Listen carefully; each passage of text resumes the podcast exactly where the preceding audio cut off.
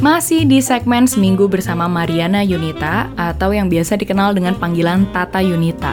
Tata adalah pengedukasi hak kesehatan seksual anak di mana dia mendirikan komunitas bernama Tenggara Youth yang menjadi tempat belajar aman bagi anak dan remaja untuk memahami tubuhnya sendiri.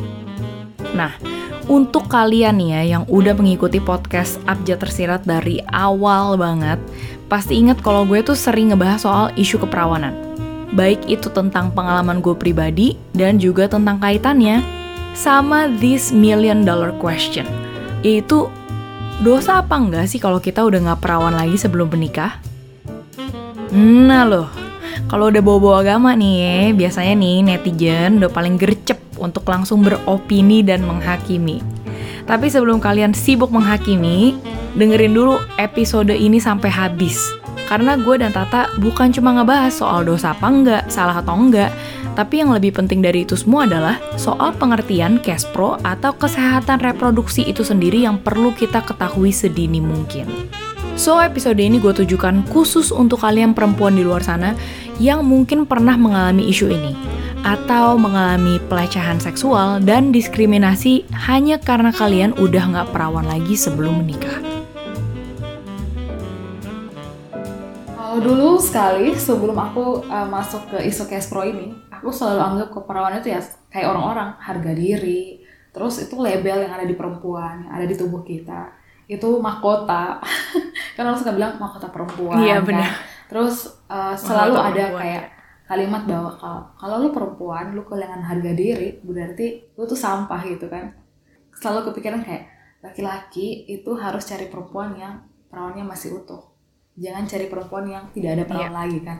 Nah itu kepercayaan atau uh, hal-hal uh, soal keperawanan yang aku uh, apa ya kayak ada di dalam kepalaku sejak dulu. Terus sekarang setelah sudah masuk hmm. itu jadi berubah gitu.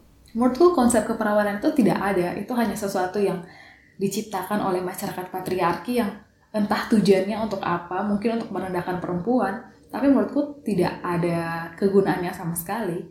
Karena harga dirinya hmm. perempuan itu kan sebenarnya tidak dilihat dari keperawanan atau dalam tanda kutip itu atau selaput darahnya dia. Jadi harga dirinya kita ya yeah. harusnya ada di hati kita atau pikiran kita bukan di selangkangan kita gitu kan. Jadi uh, ya, aku sangat tidak setuju sekarang kalau misalnya orang ngomong bilang kalau sudah malam pertama gitu kan suka iseng kan teman-teman cowok kayak gimana uh, cewek uh, cewek kamu atau harim kamu gitu masih perawan tidak kayak gitu terus tanya gitu buat apa?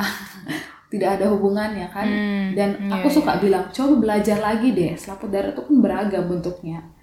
Kalau ngomong gini kan kelihatannya hmm. jadi bodoh kan? Kayak tidak belajar biologi gitu. Iya iya iya benar-benar jadi itu sih pikiran aku benar-benar nggak belajar biologi apalagi uh, soal selaput darah gitu aku pernah inget ya mamaku tuh sering banget ngomong jangan sering main sepeda atau jangan split atau jangan uh, nah. apa main karet lompat-lompat nanti selaput darahmu robek nah aku tuh masih nggak ngerti kayak aku kan dibilang itu waktu masih SD ya aku aja nggak ngerti selaput darah tuh apa kenapa itu mesti dijaga kayak you know some some parents yeah. tuh bener-bener setabu itu ya membahas soal reproduksi atau edukasi seks itu sendiri gitu uh, tapi kamu kan sempet uh, share ke aku ya sebelumnya bahwa kamu tuh pernah punya pengalaman sama mantanmu mm-hmm. yang terlihatnya dari luar seperti sangat knowledgeable soal cash pro, mm-hmm. soal perempuan dan segala macamnya tapi nggak taunya saat kamu uh, berpacaran sama dia kamu malah dipaksa untuk berhubungan seksual gitu sama dia saat lagi liburan. Dan uh, malah saat kamu berhubungan malah membahas tentang selaput darah itu gitu loh. Nah kalau kamu misalnya nggak keberatan apakah kamu mau menceritakan apa yang kamu alami? Mungkin maksudnya yang senyamanmu aja gitu ya.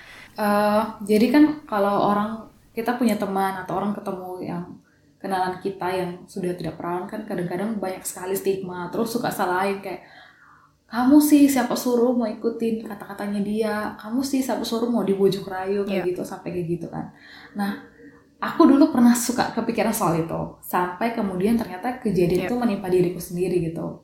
Dan aku kemudian sadar kok oh gini ya rasanya kalau misalnya ada di posisinya teman-teman aku yang pernah aku omongin soal itu. Dan ternyata itu susah loh untuk ketika mengalami kejadian itu dan harus bangkit terus kayak harus uh, melakukan aktivitas seperti biasa walaupun orang mungkin uh, tidak tahu ya kamu sudah peran atau tidak hanya dari tampilan luar tapi kayak dari lubuk dalam hati paling dalam tuh kayak aduh aku nggak ada harga diri lagi deh nah kotaku sudah dirusak Nah, menurut aku paham-paham yang sudah ditanamkan soal keperawanan itu itu kena ke aku gitu waktu aku mengalami kejadian itu.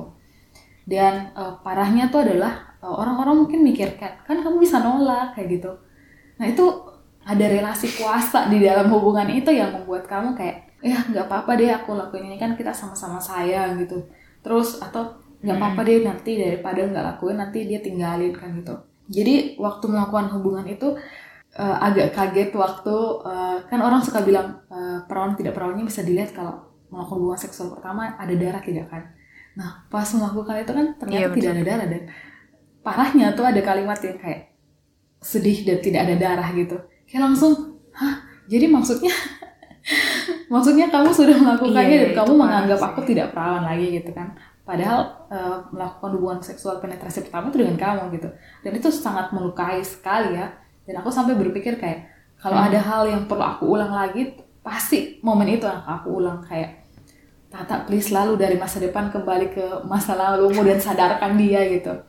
Tapi aku rasa memang ke kamar itu ke kamar itu. Ke kamar itu pokoknya tapi uh, ini bisa jadi untuk teman-teman yang dengar juga sih kadang-kadang kita memang tidak bisa salahkan mm-hmm. teman-teman yang sudah terlanjur melakukan hubungan seksual gitu dan kemudian sadar bahwa aduh kayaknya uh, itu sesuatu yang menyakitkan kayak gitu. Jadi jangan salahkan mereka sih. Terus uh, hilangkan konsep keperawanannya teman-teman itu. Jangan dipakai lah menurutku uh, dan soal keperawanan ya aku dulu waktu di awal-awal episodeku tuh aku ngebahas uh, soal isu keperawanan itu banyak sekali dan cukup sering. Karena um, aku salah satu victim lah uh, cewek yang merasa self esteemnya tuh kayak udah nggak ada lagi gitu loh sejak sejak sudah tidak perawan ya. Apalagi uh, saat itu kan aku aktif bergereja gitu aku aktif di komunitas gereja. Dan singkat cerita setelah aku akhirnya speak up mengenai hal itu di podcastku atau di tulisanku uh, banyak sekali teman-teman gerejaku yang di di Australia dulu ternyata DM aku juga hmm. dan malah mereka juga uh, ngomong mereka berharap kalau kita semua tuh saling cerita hal ini gitu loh. Uh, kurasa memang sesusah itu ya untuk uh, mengikis pikiran-pikiran atau pelajaran-pelajaran patriarkis gitu yang diajarkan ke perempuan soal keperawanan dan ada hubungannya juga keperawanan sama agama gitu. Nah ini aku agak bingung ya mau bahasnya gimana uh, takut dirajam gitu. Cuma uh, teman-teman gereja aku ini selain bilang bahwa mereka itu uh, tidak berharga lagi, mereka juga merasa mereka tuh udah kayak nggak layak untuk menghadap ke Tuhan gitu. Mereka merasa udah sangat-sangat berdosa kepada Tuhan. Bahkan kayak dosa itu kayak lebih dari ngebunuh orang, ngerti gak sih? Hmm. Tapi uh, menurutmu pribadi, sebenarnya kenapa sih ada konsep yang menyambungkan keperawanan dengan dosa itu sendiri gitu. Kan orang suka mikir kayak segala hal yang tidak berkenan dengan apa yang Tuhan inginkan itu pasti adalah hal yang salah dan dosa kan. Jadi kayak yeah. dan hal-hal itu adalah hal-hal kebalikan dari hal-hal baik. Dan menurutku ketika orang-orang hmm. sudah mematok bahwa perempuan itu harga dirinya di uh, selaput darahnya mereka dan kalau itu hilang berarti itu adalah hal yang buruk dan kalau hal buruk berarti itu adalah dosa. Menurutku seperti itu sih dan itu memang parah sih hmm. oh, aku tuh sampai huh, sampai sekarang pun akan rasa kayak gimana ya kayak kadang eh, kadang-kadang tidak nyaman gitu untuk kan orang suka bilang kalau rasa gitu berdoa aja gitu. Tapi kadang-kadang malah kayak tidak nyaman gitu kan untuk berdoa kayak oh, masih iya, pantas bener, tidak kayak gitu. Dan itu terus terbawa sampai sekarang kayak gitu kan itu sebenarnya sesuatu yang apa ya aku aku pernah bahas ini sih sama temanku. Karena kalau orang nanya juga gitu ke aku apakah uh, itu berdosa misalnya. Itu kan pertanyaan yang cukup sulit ya kalau dijawab di uh, negara kita yang plus 62 ini yang apa-apa kayaknya harus disensor. Um, saat aku bahas itu sama temenku dia bilang menurut dia mau itu dosa atau enggak? Satu itu urusanku dengan Tuhan. Kalaupun nanti aku dosa itu tetap urusanku sama Tuhan. Dan yang kedua menurut dia kalau misalnya kamu ngerasa aduh itu dosa itu bikin aku guilty atau pokoknya setiap kali kamu berhubungan seks di luar nikah bikin kamu nggak damai nggak nyaman di hati ya udah stop lakukan itu gitu. Kalau itu yang terbaik untuk kamu ya nggak apa-apa gitu. Tapi kata dia jangan sampai bikin itu jadi alasan untuk kamu kayak diinjak-injak sama manusia mana pun. Hmm. jangan bikin itu jadi alasan kayak seakan-akan kamu nggak deserve uh, kebaikan Tuhan gitu. Karena Tuhan pun nggak bilang juga sih kayaknya ya di Alkitab bahwa kalau kamu nggak perawan, aku nggak akan memberkati kamu. Cuma lagi-lagi uh, mungkin ini perlu diskusi lebih besar dan juga lebih banyak konteks gitu ya. Uh, karena kalau kayak gitu kan kesannya juga ada orang yang mungkin menangkap bahwa oh jadi lu encourage bahwa ngeseks itu nggak dosa kan pasti selalu ada tackle-nya iya seperti sih. itu ya. Nah. Seperti mungkin yang kamu alami dengan Cash Pro ini gitu. Karena uh, kamu pernah share juga bahwa saat kamu aktif mengedukasi tentang seks ke anak-anak atau ke remaja tentang Cash Pro, um, kamu malah dianggap mengajarkan pornografi gitu kan. Ya.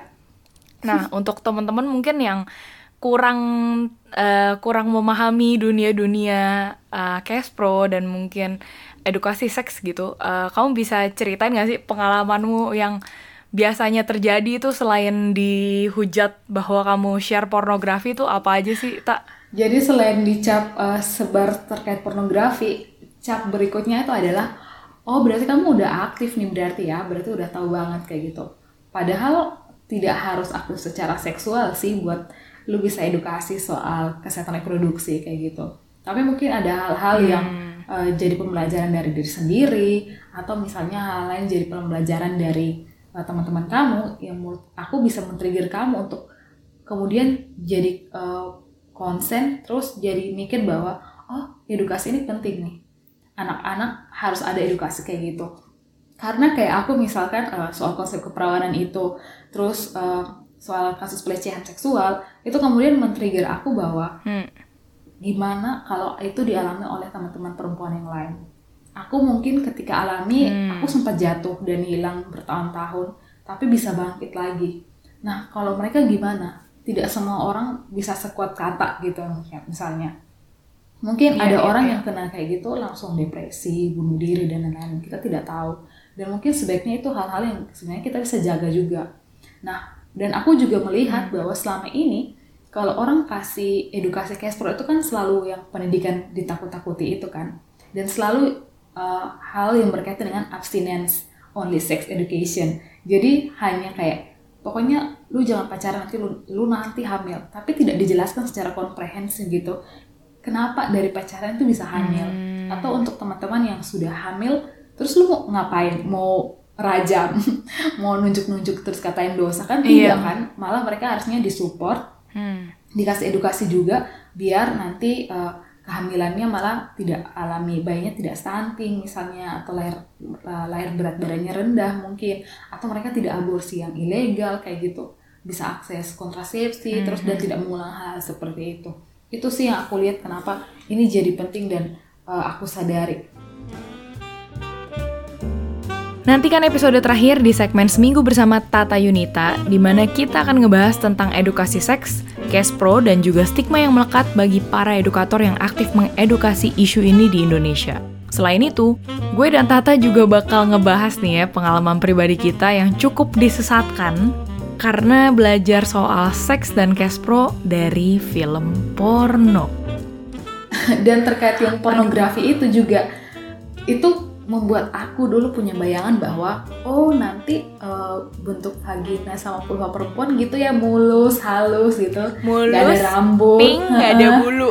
Iya itu iya benar kan? Jadi aku sempat shock waktu puber. Itu kan dan ternyata kok ada rambut kayak gitu. Ini keanehan apa yang muncul di tubuhku? Episode selengkapnya akan rilis di hari Jumat ini ya.